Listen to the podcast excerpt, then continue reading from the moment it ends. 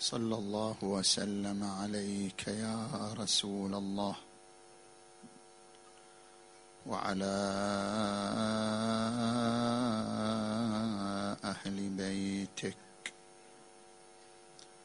المنتجبين يا ليتنا كنا معكم فنفوز فوزا عظيمه أعوذ بالله من الشيطان الغوي الرجيم. بسم الله الرحمن الرحيم. ادع إلى سبيل ربك بالحكمة والموعظة الحسنة. وجادلهم بالتي هي أحسن. آمنا بالله صدق الله العلي العظيم.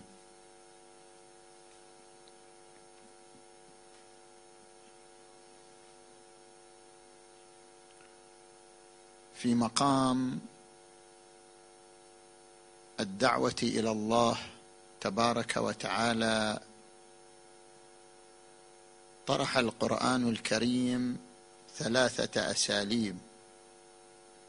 الحكمة والموعظة الحسنة والجدال بالتي هي أحسن. وتنوع هذه الأساليب راجع لتنوع القوة المستهدفة في شخصية الإنسان. فإن الإنسان في شخصيته يحمل ثلاث قوى ولكل قوة خطاب يتناسب معها. فهناك قوة العقل وهناك قوة القلب. وهناك قوة النفس بما لها من نزعات. فقوة العقل وهي أقوى القوى في شخصية الإنسان لأنها القوة القادرة على التحليل والاستنتاج. هذه القوة يناسبها الحكمة. ادع إلى سبيل ربك بالحكمة. فالحكمة خطاب متوجه إلى قوة العقل.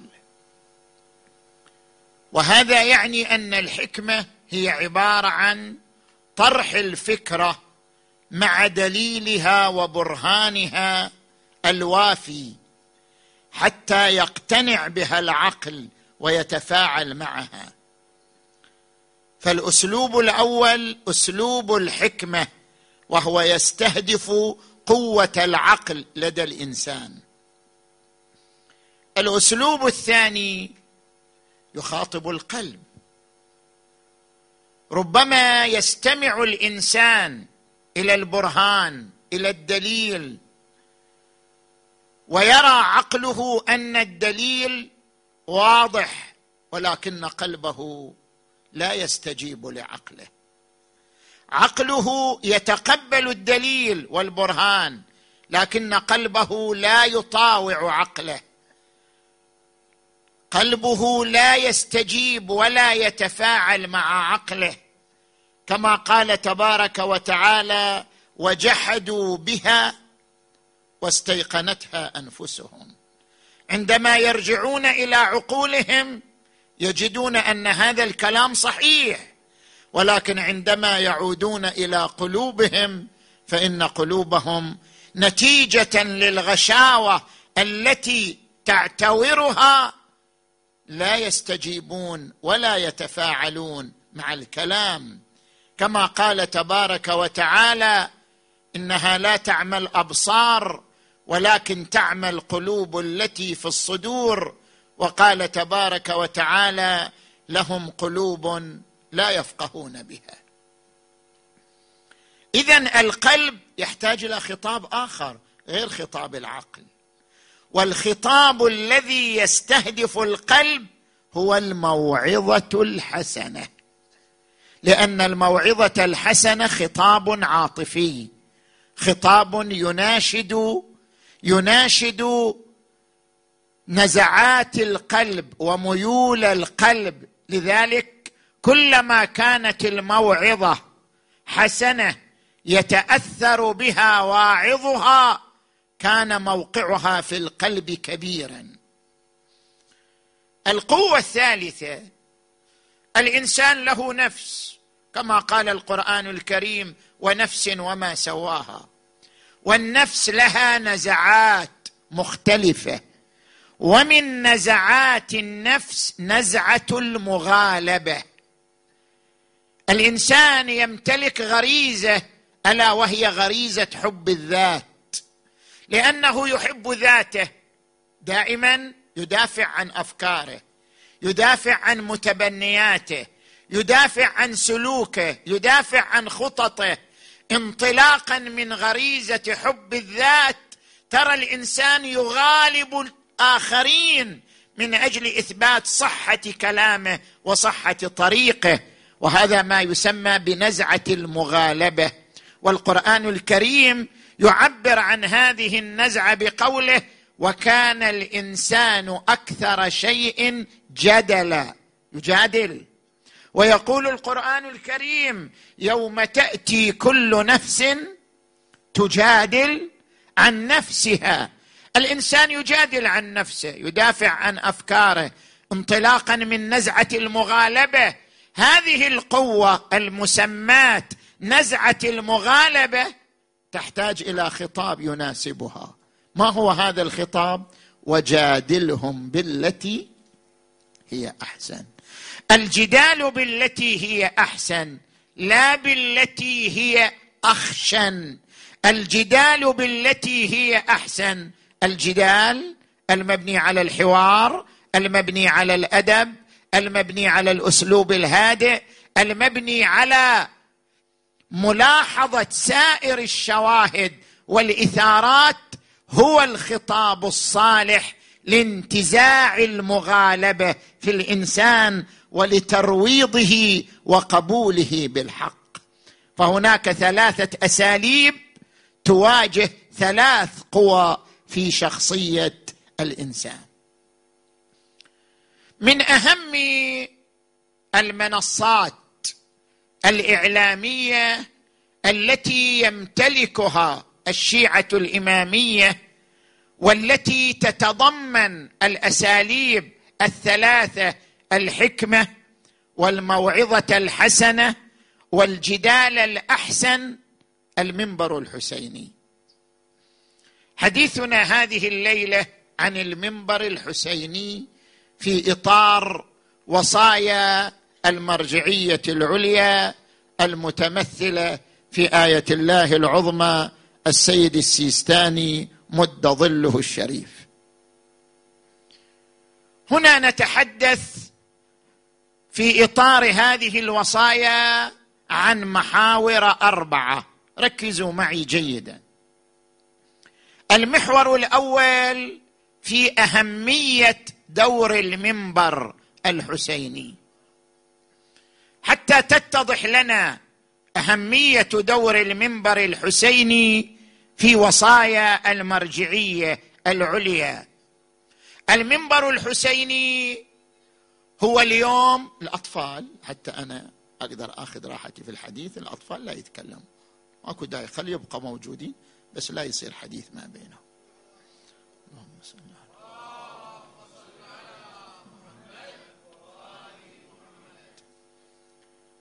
المنبر الحسيني يمثل اليوم المنصة الإعلامية الأكثر تاثيرا وأهمية في عالم الشيعة الإمامية.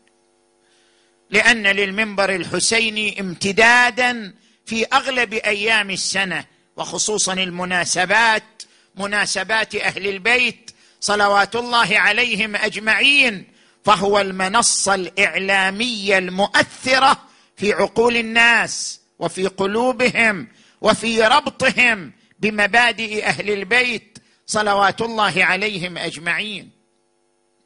المنبر الحسيني يتجلى دوره وأهميته بملاحظة الأمر الثاني. المنبر الحسيني هو امتداد ليوم الحسين عليه السلام. ومعنى أن المنبر الحسيني امتداد لصوت الحسين وليوم الحسين يعني أن دور المنبر الحسيني يتمحور حول الدين ترسيخا دفاعا تربيه سلوكا. المنبر الحسيني دوره خدمة الدين دفاعا وترسيخا وتربية وسلوكا. هذه المهمة الأساسية والخطيرة للمنبر الحسيني. الأمر الثالث المجتمع الإسلامي والشيعي يحتاج إلى عدة منابر. يحتاج إلى المنبر الوعظي الذي يركز على المواعظ وترقيق القلوب وشد الناس نحو العبادة ونحو الطاعة والزلفى. العالم الشيعي يحتاج إلى المنبر التاريخي الذي يعرض تاريخ أهل البيت بتفاصيله الموثقة الثابتة من أجل ربط الناس بأئمتهم وقادتهم طريقا وتمهيدا للاقتداء بسيرتهم. العالم الشيعي يحتاج إلى المنبر القرآني الذي يركز على القرآن تفسيرا تاويلا استظهارا استبطانا. يركز على معالم القرآن وعلوم القرآن. وهذا أمر مهم بالنسبة للمسلمين عامة وللإمامية خاصة.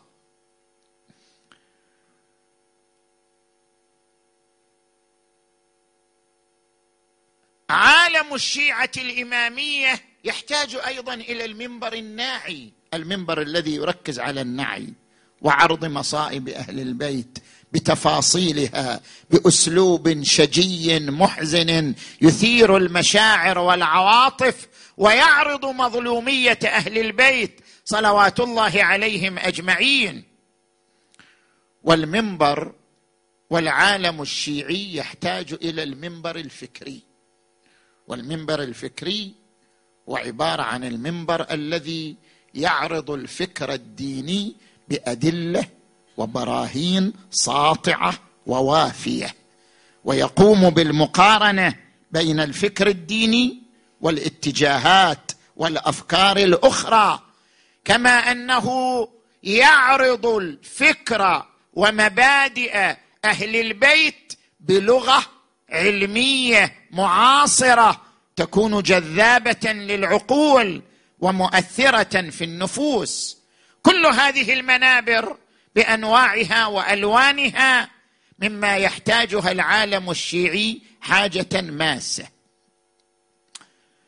نجي إلى الأمر الرابع وصايا المرجع الأعلى السيد السيستاني مد ظله حول المنبر الحسيني. هذه الوصايا لا تختص بالخطباء بل تشمل العلماء وأئمة المساجد والمبلغين. هذه الوصايا لا تختص بالخطباء الذكور تشمل الإناث المبلغات العالمات المؤهلات للخطابة وللتبليغ. هذه الوصايا كما هي تصلح للخطيب والمبلغ تصلح للمستمع حتى يكون المستمع مقوما للمنبر وعارفا من هو المنبر الأفضل ومن هو المنبر الذي يقوم بالمسؤولية خير قيام. ويطرح هذا السؤال هل جسد المنبر الحسيني المسؤولية الدينية التبليغية والحسينية بأحسن تمثيل وتجسيد أم لا؟ ورد عن الإمام الصادق عليه السلام أتجلسون وتتحدثون؟ قلت بلى سيدي قال إني أحب تلك المجالس فاحيوا فيها أمرنا أن يكون المنبر الحسيني احياء لأمرهم. أن يكون المنبر الحسيني مثالا لقوله تعالى ادع إلى سبيل ربك بالحكمة والموعظة الحسنة وجادلهم بالتي هي أحسن.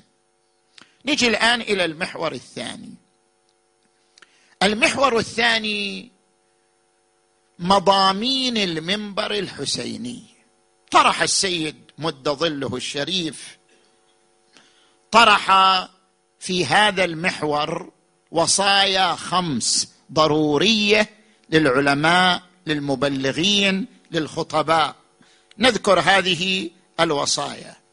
الوصية الأولى الوصية القرآنية الاهتمام بالقرآن الكريم.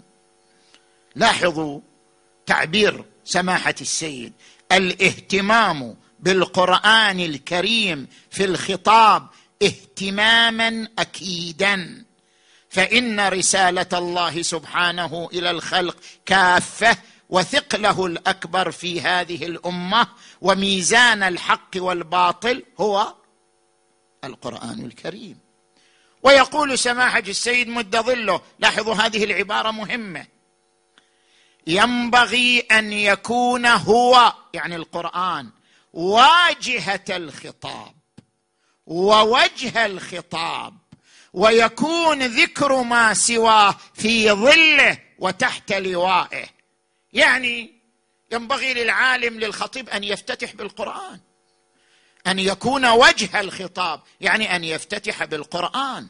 وما يذكره من أحاديث ومن روايات كلها امتداد للقرآن في ظله وتحت لوائه باعتبار أن القرآن الكريم هو وحي الله وهو الثقل الأكبر فينبغي أن يكون الواجهه للخطابة آية من القرآن الكريم كي ترسخ تعاليم القرآن في النفوس وكي تتعبأ العقول بالمفاهيم القرآنية. طبعا هذه الوصايا السيد من عام 1438 وعام 1439 وعام 1441 يعني ثلاث سنوات صدرت هذه الوصايا مكررة وأضاف إليها في بعض الأعوام بعض الوصايا حتى بلغت كما في عام 1441 12 وصية. نحن الآن في 1445 مع الأسف وصايا المرجعية العليا. إلى الآن لم يتعرض لها الخطباء بشكل وافي. ولم يتعرض لها أئمة المساجد والمبلغون بشكل وافي مع أنها هي المنهج التي الذي ينبغي أن تكون عليه مسيرة المنبر وحركة المنبر الحسيني. نجي إلى الوصية الثانية. ذكر ما يثبت أصول العقيدة بأدلة محكمة. هذه الوصية وصية عقدية. أصول الدين الخمسة لا بد من عرضها على المنابر بالأدلة وبالبراهين المحكمة. نحن اليوم لسنا كما كنا قبل خمسين سنة ومئة سنة. نحن اليوم نواجه تيارات فكرية كبيرة. نحن اليوم نواجه فكرا غربيا وشرقيا كبيرا. نحتاج إلى أن نعرض فكرنا الديني بأدلة ببراهين قوية ناصعة يفهمها الذهن العام.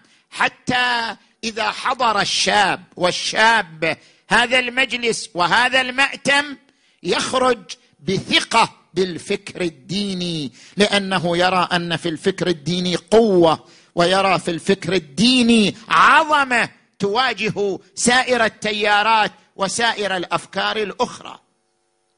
لذلك يركز السيد السيستاني على هذه النقطة. الوصية الثالثة الوصية الوعظية. وليذكر المبلغ تذكيرا مؤكدا بد وليذكر المبلغ تذكيرا مؤكدا بالدار الآخرة وأهميتها حيث يؤتى كل امرئ بصحيفة أعماله في هذه الحياة وتوضع موازين القسط ليوم القيامة فيكون لكل امرئ ما سعى إليه من خصال وأعمال وأن ليس للإنسان إلا ما سعى. ما هي روافد الموعظة؟ روافد الموعظة القرآن روايات أهل البيت خطب نهج البلاغة والصحيفة السجادية. هذه الروافد الأربعة للموعظة الأخروية كما تعرض لها سماحته مد ظله. الوصية الرابعة الوصية القيمية. الوصية التربوية على المنبر أن يعنى بقضايا الأخلاق أن يعنى بالاهتمام بالقضايا الخلقية وتربية الأسر والأجيال على هذه القيم الفطرية السامية التي أكد عليها القرآن. ولا بد للمنبر أن يقرن عرضه للأخلاق يقرنه بسيرة النبي محمد.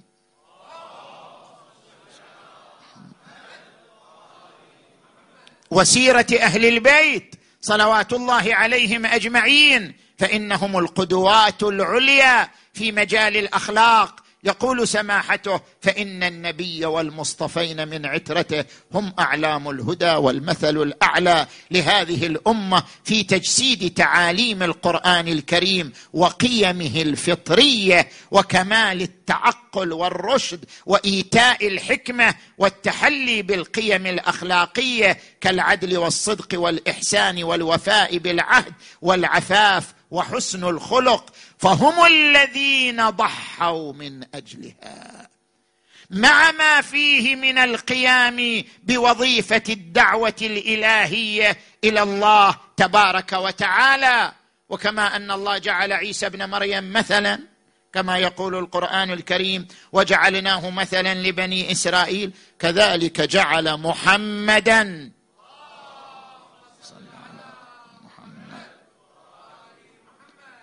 وقال تعالى لقد كان لكم في رسول الله أسوة حسنة. ثم يقول وليسعى الشعراء. شنو وظيفة الشعراء؟ شنو وظيفة الشعراء والرواديد؟ وظيفتهم أن يضمنوا قصائدهم مبادئ أهل البيت في مجال الأخلاق في مجال القيم في مجال هذه المبادئ الناصعة. يقول وليسعى الشعراء.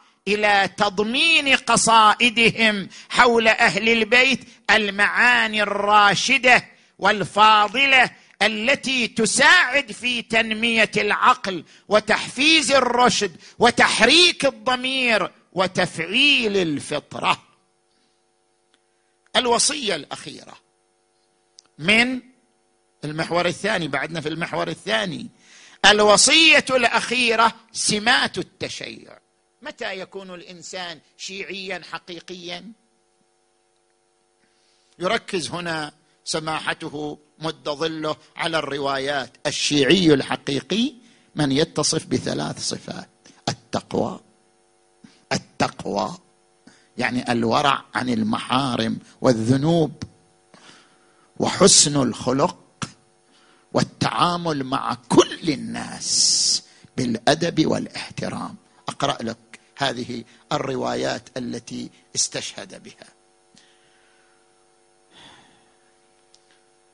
ففي هذا الحديث كقول الإمام أبي عبد الله عليه السلام تؤكد تلك الوصايا على الالتزام العملي بتعاليم دينهم والتحلي بخصالهم ومكارم أخلاقهم حتى اسمع هذا التعبير وهذا مرجع الشيعة بعد حتى مع المختلفين في الدين والمذهب. تعامل بحسن الخلق حتى مع المختلفين معك في الدين والمذهب. فضلا عن المشتركين معك فيهما. حتى اللي يختلفوا معك في الدين يختلفوا معك في المذهب. تعامل معهم بحسن الخلق والخصال الحميدة. قال الإمام أبو عبد الله الصادق عليه السلام عليكم بتقوى الله والورع والاجتهاد وصدق الحديث وأداء الأمانة وحسن الخلق وحسن الجوار وكونوا دعاة إلى الخير بغير ألسنتكم. كونوا زينا ولا تكونوا شينا. وفي الحديث عن جابر الجعفي عن أبي جعفر قال يا جابر أيكتفي من ينتحل التشيع؟ أن يقول بحبنا أهل البيت؟ أنا شيعي لأني أحب أهل البيت. شيعي لأني أنا ألطم وعزي. أنا شيعي. هذه الرواية تتكلم عن نفس النقطة. لاحظوا. أيكتفي من ينتحل التشيع أن يقول بحبنا أهل البيت؟ فوالله ما شيعتنا إلا من اتقى الله وأطاعه. وما كانوا يعرفون يا جابر. كيف يعرف الشيعة في زمانهم؟ وما كانوا يعرفون يا جابر إلا بالتواضع والتخشع والأمانة وكثرة ذكر الله والصوم والصلاة والبر للوالدين والتعاهد للجيران من الفقراء وأهل المسكنة. رواية طويلة. يا جابر لا تذهبن بك المذاهب. الرواية الثالثة. عن معاوية بن وهب قلت له يعني قلت للإمام الصادق كيف ينبغي لنا أن نصنع فيما بيننا وبين قومنا وخلطائنا من الناس؟ يعني ذولا مو على مذهبنا كيف نتعامل معهم؟ كيف ينبغي لنا أن نصنع فيما بيننا وبين قومنا وبين خلطائنا من الناس ممن ليسوا على أمرنا؟ يعني مو على مذهبنا. كيف نصنع معهم؟ قال تنظرون إلى أئمتكم. إحنا شلون نسوي؟ تنظرون إلى أئمتكم الذين تقتدون بهم فتصنعون ما يصنعون. ما الذي يصنع الأئمة؟ لاحظ هالعبارات. فوالله إنهم ليعودون مرضاهم ويشهدون جنائزهم ويقيمون الشهادة لهم وعليهم ويؤدون الأمانة إليهم. يعني نحن نتعامل مع كل الناس نعود مرضاهم نشهد جنائزهم نشهد لهم وعليهم وإن كانوا ليسوا على مذهبنا. وفي حديث آخر ما أيسر ما رضي به الناس عنكم؟ كفوا ألسنتكم عنهم. شنو أنت قاعد؟ لسانك مشرع على الناس كلهم. لسانك البذيء تطلقه على كل من يختلف معك. من انت هذه روايات أهل البيت. صلوات الله وسلامه عليهم أجمعين. ما أيسر ما رضي به الناس عنكم؟ كفوا ألسنتكم عنهم. ليكن لسانك مؤدب ليكن لسانك مهذب ليكن لسانك في التعامل مع الآخرين شبيها بلسان أهل البيت. صلوات الله وسلامه عليهم في الأدب الراقي وفي حسن التعامل وعظمة الخلق. هذا هو المحور الثاني ألا وهو الوصايا لمضامين المنبر الحسيني. نجي إلى المحور الثالث. ما هو المنهج القويم الصحيح للخطابة؟ أنا أريد أصير خطيب. شنو المنهج الصحيح؟ يعني هذا المرجع الأعلى اللي قاعد في في النجف ما يدري عن شيء ابدا. كل شيء يدري عنه. كل شيء يدري عنه. ويتابع الأخبار والقضايا. حاجة حاجة. بالتفاصيل الدقيقة. ويتابع ما يطرح على المنابر ويقال والاختلافات وما يقال في الاختلافات. كله يتابعه بدقة. زين؟ لذلك هو ملتفت. عندما يطرح هذا السؤال ما هو المنهج السليم القويم الذي يتقوم به مسيرة المنبر الحسيني؟ المنهج السليم يطرح له عدة عناصر. لاحظوا معي العنصر الأول.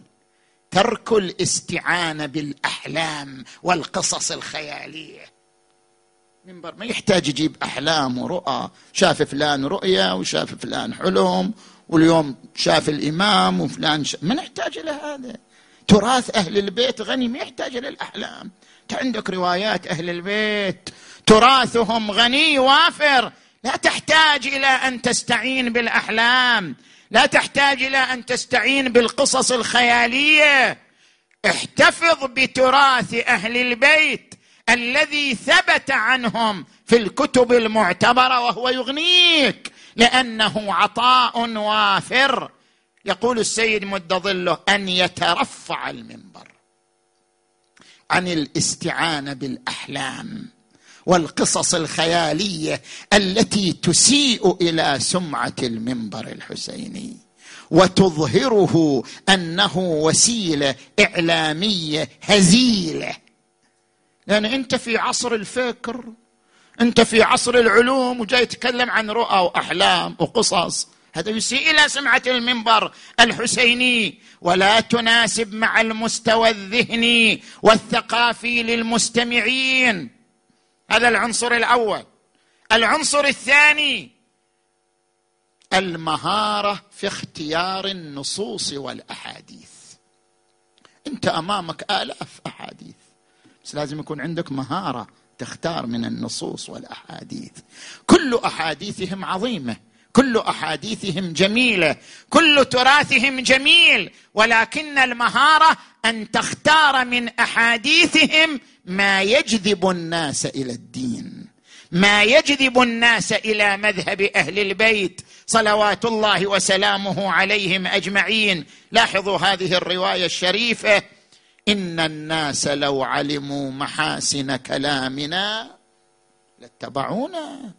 خلينا نركز على محاسن كلام أهل البيت حتى يكون جذابا لمذهب أهل البيت. صلوات الله وسلامه عليهم أجمعين. العنصر الثالث الاهتمام بالمشاكل الاجتماعية الشائعة. عندنا إحنا مشاكل اجتماعية كثيرة. التفكك الأسري مشكلة الطلاق مشكلة الفجوة بين الآباء. والأولاد. هذه المشاكل الاجتماعية الخطيب يحسن منه أن يتعرض لها. لكن كيف يتعرض لها؟ لاحظوا هذه النقطة. هذا تعليق مني أنا والسيد لم يتعرض له. كيف يتعرض إلى هذه المشاكل الاجتماعية؟ عرض المشاكل الاجتماعية يحتاج إلى دراسة. مو بكيفي أنا خطيب أصعد المنبر وأجيب أي مشكلة اجتماعية وأدخل فيها. ربما أسبب لغط بين الناس وجدل أكثر مما أسبب نفعا وهدى. المشاكل الاجتماعية تحتاج إلى دراسة. دراسة الأسباب دراسة الأعراض دراسة النتائج دراسة طرق العلاج.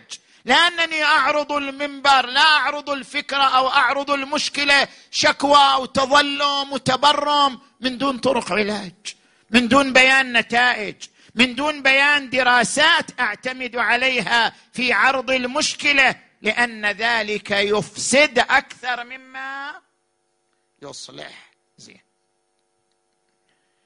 العنصر الآخر التسلط في رد الشبهات. الخطيب إذا بيتعرض للشبهات عقائدية وفكرية لابد أن يكون من أهل العلم متسلط على رد الشبهات أن يكون الخطيب المتصدي لدفع الشبهات متضلعا في هذا الباب متسلحا بالخبرة ووفرة المعلومات وإلا فإن ما يفسده بتصديه ربما يكون أكثر مما يصلحه والشبهات نوعان يذكرها هو. يقول الشبهات نوعان. شبهة شائعة معروفة في وسائل التواصل في الجروبات بين الناس في مجالسهم. إذا شبهة معروفة يعرض الخطيب أو المبلغ الشبهة ثم يقوم بالردود عليها. أما إذا شبهة غير معروفة ليس من الحسن أن تعرض شبهة غير معروفة فتعلق بأذهان الناس صح؟ يعني إن شبهة ما حد ملتفت إليها. شبهة ما احد ملتفت إليها. عندما يقوم الخطيب بعرضها وهي شبهة غير ملتفت إليها تعلق في أذهان المستمعين ثم يكون انتزاع الشبهة امرا صعبا وعسرا على المنبر. لذلك يقتصر في رد الشبهات الغير معروفة يعرض الفكر الصحيح الذي من خلاله يتبين الزيف والخطأ في هذه الشبهات غير المعروفة. زين.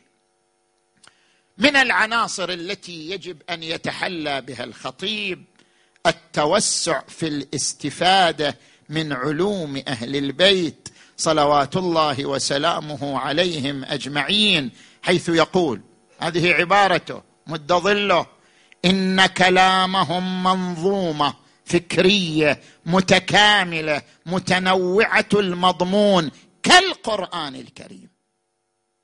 كلامهم متنوع المضامين كالقرآن الكريم. ففيه من روائع الحكم ومعالم الأخلاق واثاره دفائن العقول ودفع الشبهات ما ينير الإنسان المسلم ويجعله واثقا بعقيدته ودينه. وهذا هو مقتضى كونهم الثقل الثاني للقرآن الكريم بصريح حديث الثقلين.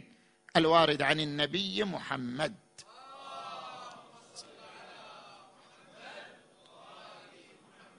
العنصر الآخر الاهتمام بالمسائل الابتلائية خصوصا أئمة المساجد. يعرضون المسائل الفقهية المبتلى بها الناس عرضا دقيقا سلسا حتى يفهمه الناس ويستوعبونه. زين؟ هذا هو المحور الثالث.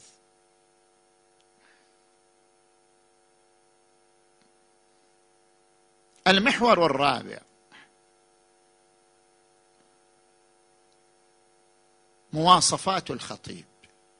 أنا أريد أصير خطيب. أنا أريد أصير عالم. أنا أريد أصير إمام مسجد. أنا أريد أصير مبلغ. ترى الآن الأمر ما انحصر في الخطباء كثير من شبابنا الآن الذين يتقنون اللغة الإنجليزية يتصدون أيضا للتبليغ يتصدون أيضا للخطابة يتصدون أيضا لطرح الأفكار الدينية. هذه النصائح التي ذكرها مد ظله لا تختص بالمعممين ولا تختص بالذكور ولا تختص بالعلماء المعروفين ولا تختص بالخطباء المعروفين كل من يتصدى لتبليغ الفكر الديني هذه النصائح تشمله. ما هي المواصفات؟ لاحظوا المواصفات. الصفة الأولى الدقة في النقل. وانت تنقل. تقرأ الآية قراءة صحيحة على الأقل. تقرأ الآية القرآنية قراءة صحيحة. هذا اولا. إذا أردت أن تذكر حديثا عن أهل البيت صلوات الله وسلامه عليهم أجمعين انقل الحديث من الكتب المعتبرة كتب الأربعة وما شابهها الكافي والاستبصار والتهذيب ومن لا يحضره الفقيه. انقل من الكتب المعتبرة. يمكن أن تخطئ ما في إنسان معصوم ولكن أصلح ما تخطئ أيضا. اذا علي خطيبي والمبلغ الدقة في النقل. هذه صفة الأولى. صفة الثانية جودة الإعداد. الناس الناس جايين لشنو؟ مو جايين يسمعوا محاضرة؟ شلون يجي الإنسان يصعد المنبر مرتجل؟ لا إعداد لا تحضير لا ترتيب. ما يصير. هذا تلاعب بعقول الناس تلاعب بأوقات الناس تلاعب بما يجهد الناس. احترامنا للناس وعقولهم احترامنا للناس وأوقاتهم احترامنا للناس وأفهامهم. أن لا نصعد المنبر إلا مع الإعداد الجيد للمحاضرة. محاضرة تتضمن إعدادا جيدا تتضمن ترتيبا تبويبا أسلوبا سلسا أسلوبا نافعا حتى يكون ذلك مفيدا للمستمع. هو ينص على جودة الإعداد. زين. الصفة الثالثة الإخلاص. الإخلاص لله تبارك وتعالى. هذا عمل عظيم. كما أن الصلاة تحتاج إلى إخلاص كما أن الصدقة تحتاج إلى إخلاص كما أن العمل بر الوالدين يحتاج إلى إخلاص الخطابة تحتاج إلى إخلاص تبليغ الدين يحتاج إلى إخلاص يحتاج أن يكون خالصا لله تبارك وتعالى. ولأجل أن الإخلاص عنصر ضروري في العمل يقول السيد مد ظله على الخطيب. إذا بيطرح موعظة أن يكون متعظا بها قبل وعظها أن يكون متعظا بما يعظ به الناس. أن يكون ملتزما بما يرشد الناس إلى الالتزام به. يقول مد ظله أن يهتم المبلغ بمطابقة خصاله وسريرته مع أوصافه وأقواله. فيكون أسبق من الناس في العمل بها يعني العمل بالمواعظ وهذه الصفات. فإن ذلك أقرب إلى الصدق وأبعد من الرياء وأوجب للإخلاص والتأثير في المخاطبين. فكيف يصف المرء بصدق خصال النبي وعترته النبيلة ويوصي الآخرين بها وهو بعيد عنها؟ ثم يستشهد بهذه الآيات المباركات أتأمرون الناس بالبر وتنسون أنفسكم؟ وقال تبارك وتعالى يا أيها الذين آمنوا لم تقولون ما لا تفعلون كبر مقتا عند الله؟ أن تقولوا ما لا تفعلون. زين.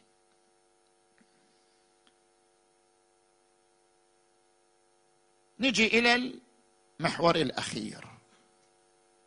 في الوصايا التي أفادها سيدنا ومرجعنا الأعلى وأستاذنا آية الله العظمى السيد السيستاني مد ظله الشريف من خلال أكرر من خلال متابعته للمنبر وما يثار فوق المنابر داخل العراق وخارج العراق.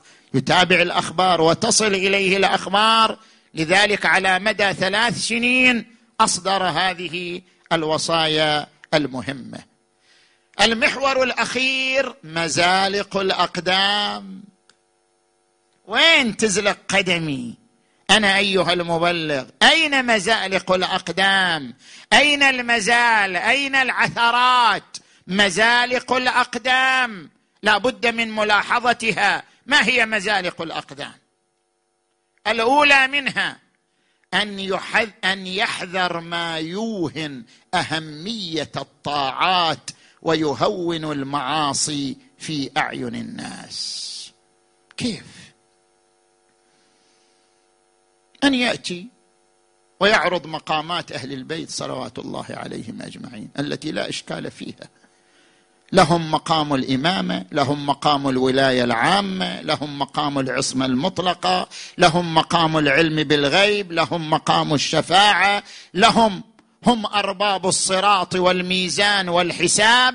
هذا كله لا إشكال فيه. كل هذا مقاماتهم الثابتة. لهم صلوات الله وسلامه عليهم أجمعين. ولكن عندما يقول الخطيب للناس المهم أن تلطم وتعزي صليت ما صليت هذا بعدين يصير. أذنبت ما أذنبت فرد شيء مهم المهم أن تحرص على المأتم واللطم والعزاء. مهما عصيت الله مهما تركت الطاعات مهما تركت الواجبات الأساس هو ماذا؟ هو العزاء واللطم. هذا توهين للطاعة. وهذا تشجيع على المعصية.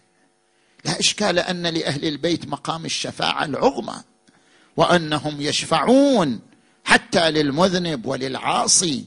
ولكن عندما نقول للناس المهم هو هذا الشيء. المهم هو هذا. صليت ما صليت هذا شيء ثاني. المهم هو العزاء واللطم. هنا يأتي الكلام أنك توهن أهمية الطاعة وتهون المعاصي في أعين الناس. شنو المشكلة أن تقول للناس اجمعوا؟ الطم عزي و صلي. شو المشكلة في الجامع؟ شو المشكلة في الجامع؟ والله هذه الليلة ليلة العاشر. والله هذه الليلة ليلة الأربعين. ممتاز. ليلة العاشر ليلة عزاء ولطم ومصيبة وليلة وليلة عبادة وليلة صلاة. قضاها الحسين بن علي وأهل بيته ركعا سجدا تلك الليلة. أنت تقول للناس ليلة عزاء احرصوا على العزاء. احرصوا على اللطم احرصوا على إحياء أمر أهل البيت ومظلوميتهم ولكن احرصوا أيضا على النافلة على الدعاء. الجمع بين الطاعات ومنها إحياء مآتم أهل البيت هو السبيل المتوازن. لأننا نقول يكفيك يكفيك أن تلطم وتعزي والأمور الأخرى مو مشكلة. زين؟ يقول سماحته مد ظله بحسب تعبيره. أن يحذر المبلغ في بيان أهمية العقائد الحقة ومسلمات مذهب أهل البيت في شأن مقاماتهم الشريفة. إذا يعرض المقامات لأهل البيت من أن يوهن أهمية الطاعات ويهون المعاصي في أعين الناس. فإن أمر المؤمن لا يصلح إلا بالخوف والرجاء. أن يكون المؤمن خائفا راجيا. ادعوه خوفا وطمعا.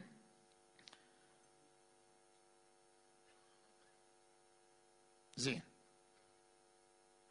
الثانية من مزالق الأقدام. تجنب ما يثير الاختلاف والفرقه كل ما يقدر الخطيب يجمع الشيعة أفضل مما يفرقهم أن يتجنب ما يثير الاختلاف والفرقة ومن وجوه ذلك تجنب التركيز على جهات التمايز بينهم مثل اختلافهم في التقليد. ان تجمع الناس لا تدخل فيما يفرق الناس.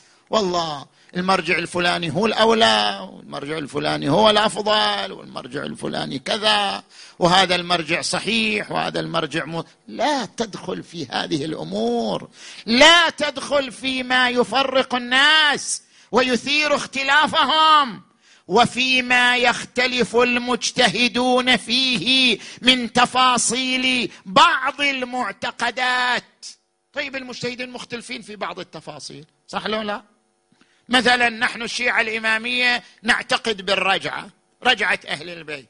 بس في اختلاف في التفاصيل. كيف رجوع الحسين بن علي؟ ما هي تفاصيل رجوع الحسين بن علي؟ كيف رجعت الإمام علي بن في اختلاف في التفاصيل بين العلماء والمجتهدين حسب الروايات.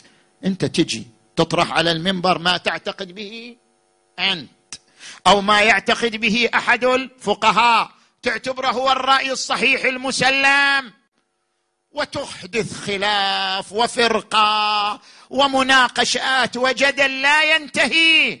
اذكر الأمور التي يتسالم عليها الشيعة الإمامية ويتحدون فيها حتى تكون حتى يكون ذلك لواء لوحدة القلوب وتناغم المشاعر.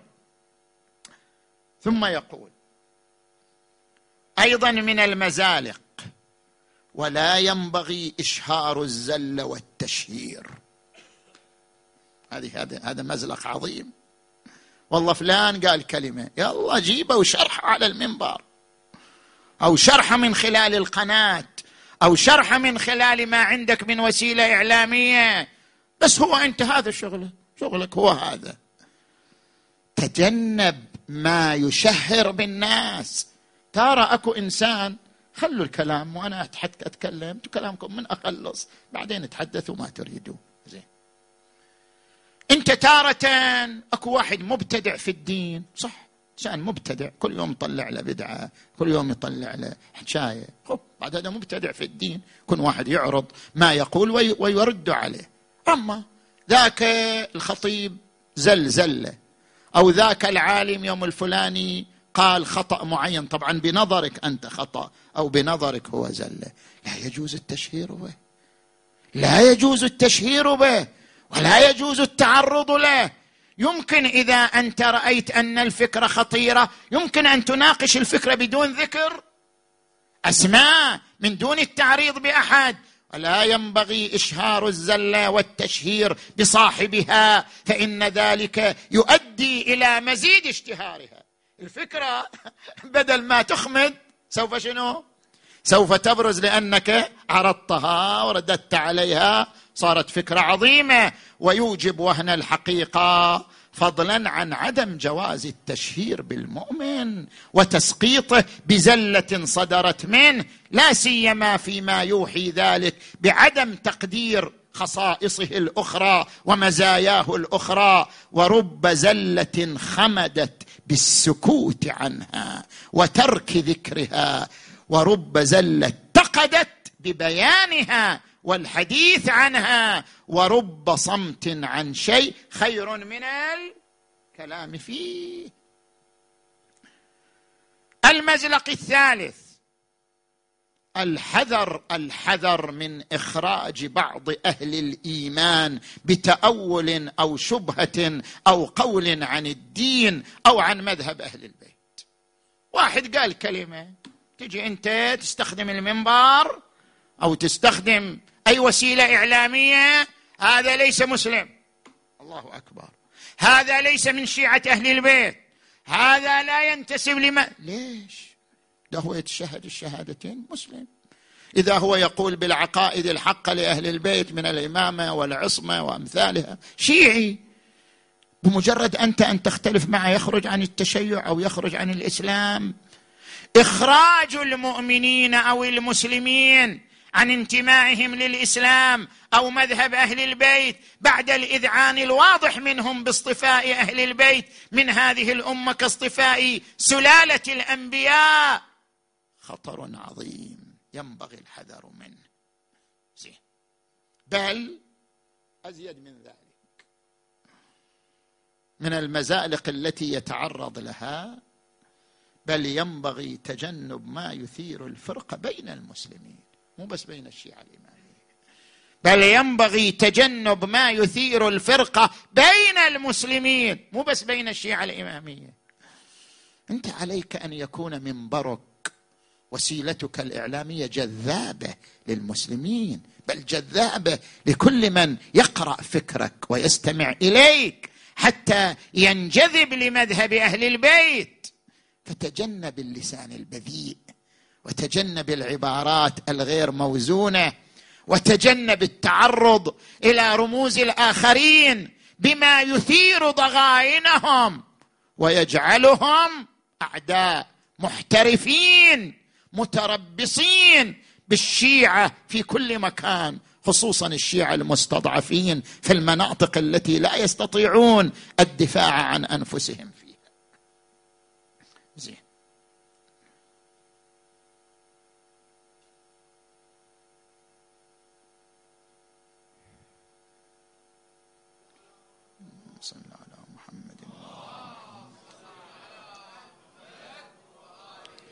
ومن المزالق الخطيرة.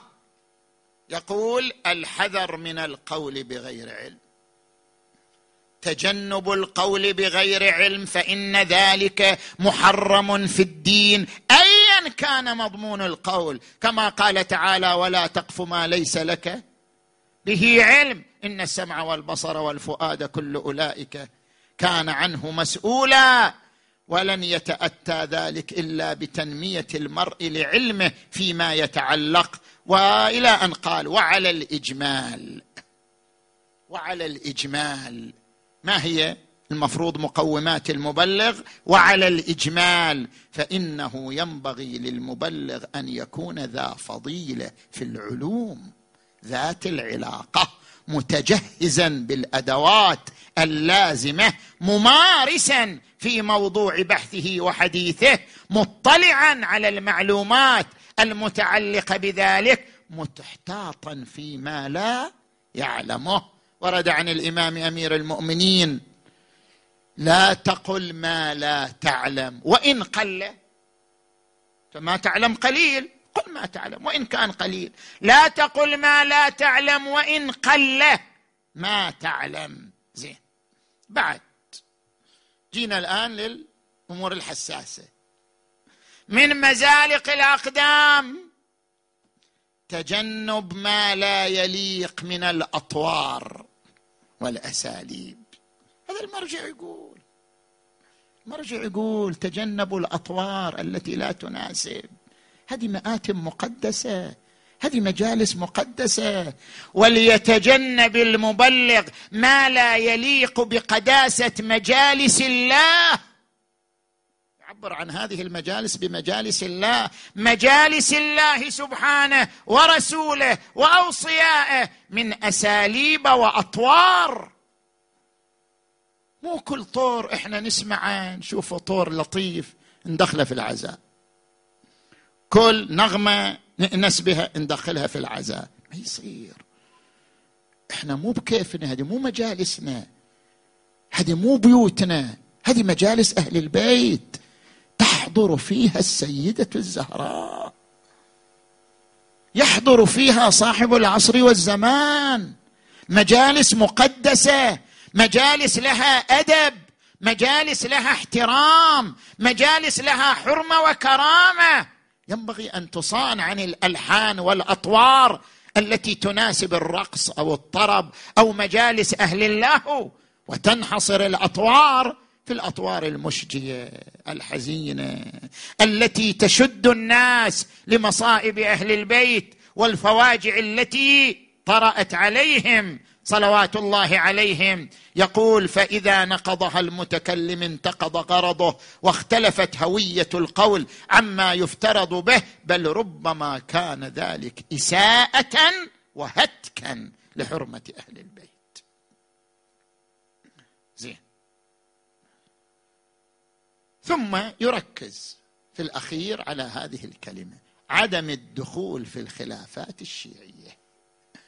أن يتسامى المنبر الحسيني عن الخوض في الخلافات سواء كانت في مجال الفكر أو في الشعائر فإن الخوض في الخلافات يوجب انحياز المنبر لفئة دون أخرى أو إثارة فوضى اجتماعية أو تأجيج الانقسام بين المؤمنين بينما المنبر راية لوحدة الكلمة. ورمز للنور الحسيني الذي يجمع قلوب محيي سيد محبي سيد الشهداء صلوات الله وسلامه عليهم أجمعين. في الأخير أذكر هذه الكلمة وأنهي بها. من مزالق الأقدام خطيب شاعر رادود مبلغ وليحذر المبلغون والشعراء والرواديد أشد الحذر عن بيان الحق بما يوهم الغلو في شأن النبي وعترته صلوات الله عليهم أجمعين. شنو اللي يوهم الغلو؟ ويقول احذروا لا تذكروا عبارات توهم الغلو في الشعر أو اللطمية أو أو الخطاب. شنو اللي يوهم الغلو؟ هو يشرحه هو يشرح يقول والغلو على نوعين. الأول إسباغ الصفات الألوهية على غير الله سبحانه. أن تقول الإمام هو الخالق والرازق والمحيي والمميت والقابض والباسط. هذا إسباغ الصفات الألوهية على غير الله تبارك وتعالى وهذا يوهم الغلو. زين؟ هذا النوع الأول. النوع الثاني إثبات أمور ومعان لم تقم حجة موثوقة عليها في مذهب أهل البيت. تجيب أمور صحيح هي مو صفات لله لكن ما في دليل عليها. تجيب أمور ما في دليل عليها. تجي مثلا يقول لك الإمام الحسين ما قبض روحه ملك الموت. ما يقدر ملك الموت يقبض روحه. الله تبارك وتعالى هو بنفسه قبض روحه. طيب ملك الموت قبض روح النبي. قبض روح الإمام علي. قبض روح الزهراء وهما وهم أفضل من الحسين عليه السلام. سيد الشهداء. إيش معنى ما يقبض روح الحسين؟ زين شنو دليلك؟ شنو الرواية اللي تعتمد عليها؟ جيب لنا رواية صحيحة تقول بذلك. ما يصير إحنا كل ما نجد في كتاب أو ما نسمعه من خطيب نقرأه ونتلوه كأنه شيء مسلم. ليس المهم أن أبكي الناس وليس المهم أن أثير عواطف الناس. المهم أن أكون أمينا على ما أقول. المهم أن أكون مسؤولا عما أقول. المهم أن أخضع في كلماتي للمحاسبة. وحاسبوا أنفسكم قبل أن تحاسبوا وزنوها قبل أن توزنوا. ليس كل كلام يقال ولو لم يكن هناك دليل عليه ولو لم يكن هناك حجة عليه. ومذهب أهل البيت خال عن الغلو بنوعيه بل هو أبعد ما يكون منه وإنما يشتمل على الإذعان للنبي وعترته صلوات الله عليهم بمواضعهم التي وضعهم الله فيها من دون زيادة. ولا إفراط بل مع الحذر في مواضع في مواضع الاشتباه وورع عن إثبات ما لم تقم به الحجة الموثوقة.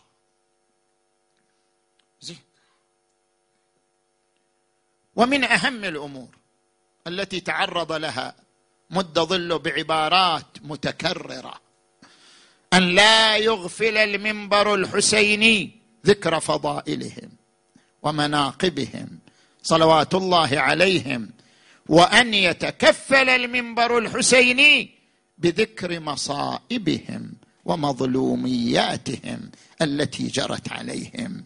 فإن ذلك إحياء لأمرهم صلوات الله عليهم. كما يكون المنبر مصدرا للفكر يكون المنبر أيضا مصدرا لعرض ظلامة أهل البيت وما جرى عليهم من المصائب والمحن وما جرى عليهم من الفواجع من أجل بيان مدى مدى شناعة الجريمة التي ارتكبها طغاة بني أمية وبني العباس في حق أهل البيت. صلوات الله وسلامه عليهم أجمعين. وهذه سيرة الأئمة صلوات الله عليهم. الإمام الرضا عليه السلام يقول يا ابن شبيب إن كنت باكيا فابكي الحسين فلقد قتل وذبح كما يذبح الكبش. وذبح معه ثمانية عشر من أهل بيته ما لهم على وجه الأرض شبيه. وكان الأئمة يعقدون المآتم على ذكر الحسين عليه السلام. حتى دخل ذو الرمة على الإمام الصادق عليه السلام. قال أنشدني أنشدني في جدي الحسين فأنشد. أمرر على جدث الحسين وقل لأعظمه الزكية. أمرر على جدث الحسين. وقل لأعظمه الزكية يا اعظما لا زلت من وطفاء ساكبة روية وإذا مررت بقبره فأطل به وقف المطية وابكي المطهر للمطهر. والمطهرة النقية كبكاء معولة دنت يوما لواحدها المنية. هذا ذو الرمة وهناك دعبل الخزاعي عندما دخل على الإمام الرضا أيام عاشوراء قال يا دعبل اما تعرف هذه الأيام؟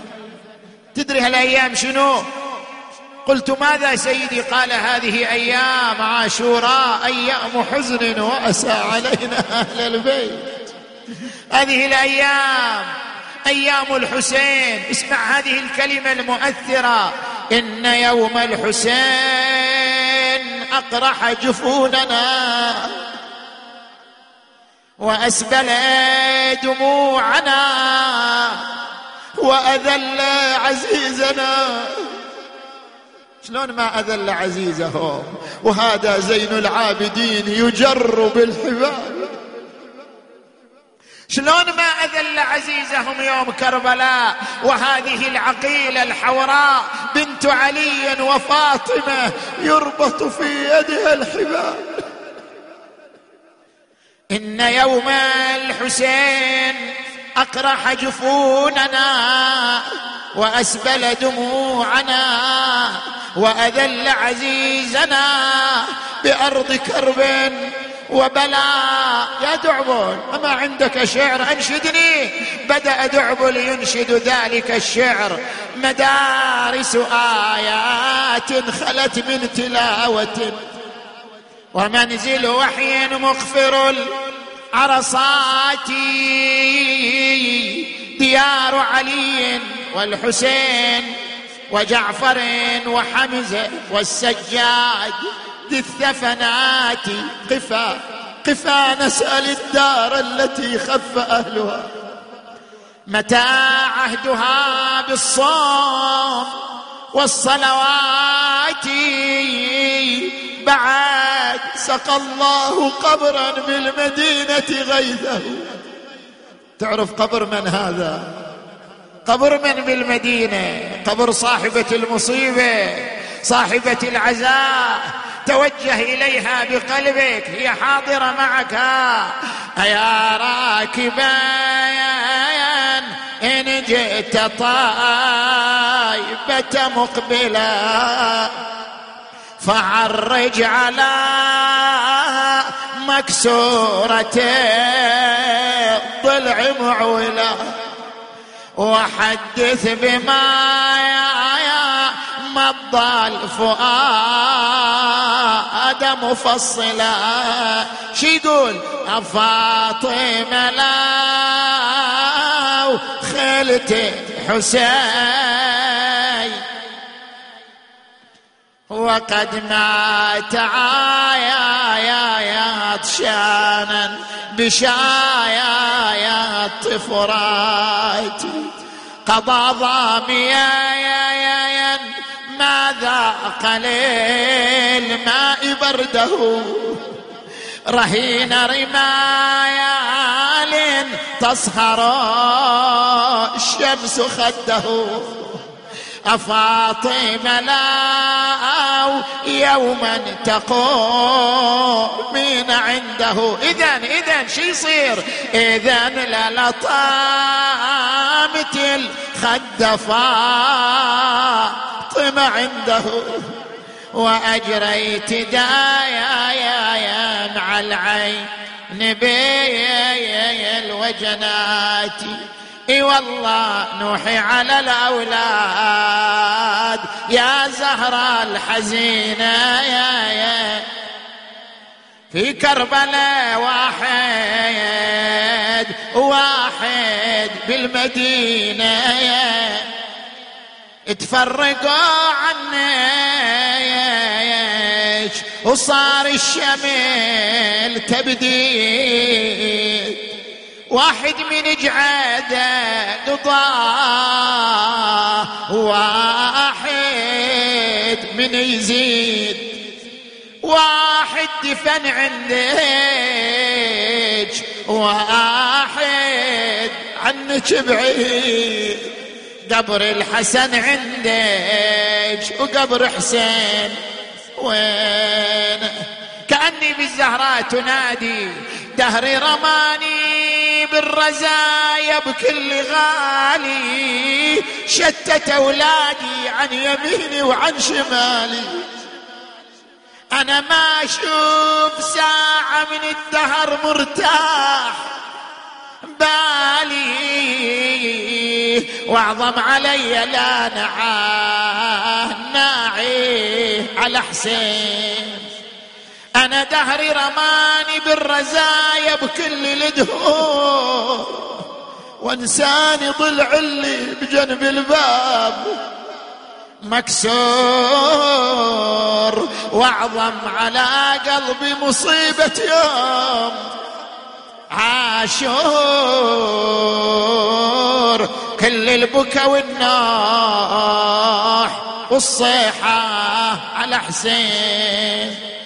أنا الوالدة والقلب لهفة لهفة يا يا يا. وادور عزبني وين ما كان إيه والله وادور عزبني وين.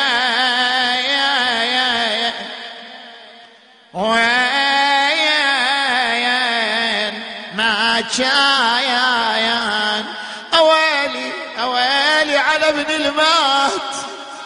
عطشايان وتلعب عليه الخيل إيه والله وتلعب عليه الخيل